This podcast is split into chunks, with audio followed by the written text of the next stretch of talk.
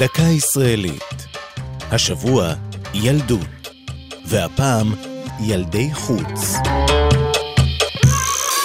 בגיליון העיתון מעריב במאי 1961 פורסמה מודעה ובה נכתב קבוצת עין צורים מעוניינת לקלוט ילד חוץ הלומד עתה בכיתה ד'.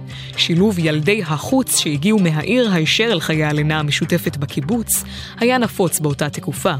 חלקם נשלחו לקיבוצים מתוך אמונה שזו המסגרת החינוכית העדיפה למענם. אחרים באו ממשפחות במשבר שהתקשו לגדלם במסגרות העירוניות. אחת מאותם ילדים הייתה הסופרת נורית זרחי, שעברה עם אמה מירושלים לקיבוץ גבע כשהייתה בת חמש, וחוותה על בשרה את הקשיים בהסתגלות לחברה החדשה.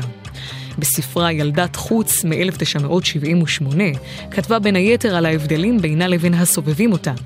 שאר חברי הקיבוץ לבשו מכנסיים קצרים ונעליים חומות גבוהות. כנראה זה הלבוש הלאומי שלהם.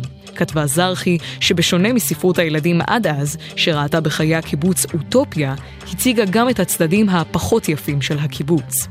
בעקבות הספר החלו להתפרסם עוד עדויות של ילדי חוץ, שתיארו את המציאות המאתגרת של ילדותם.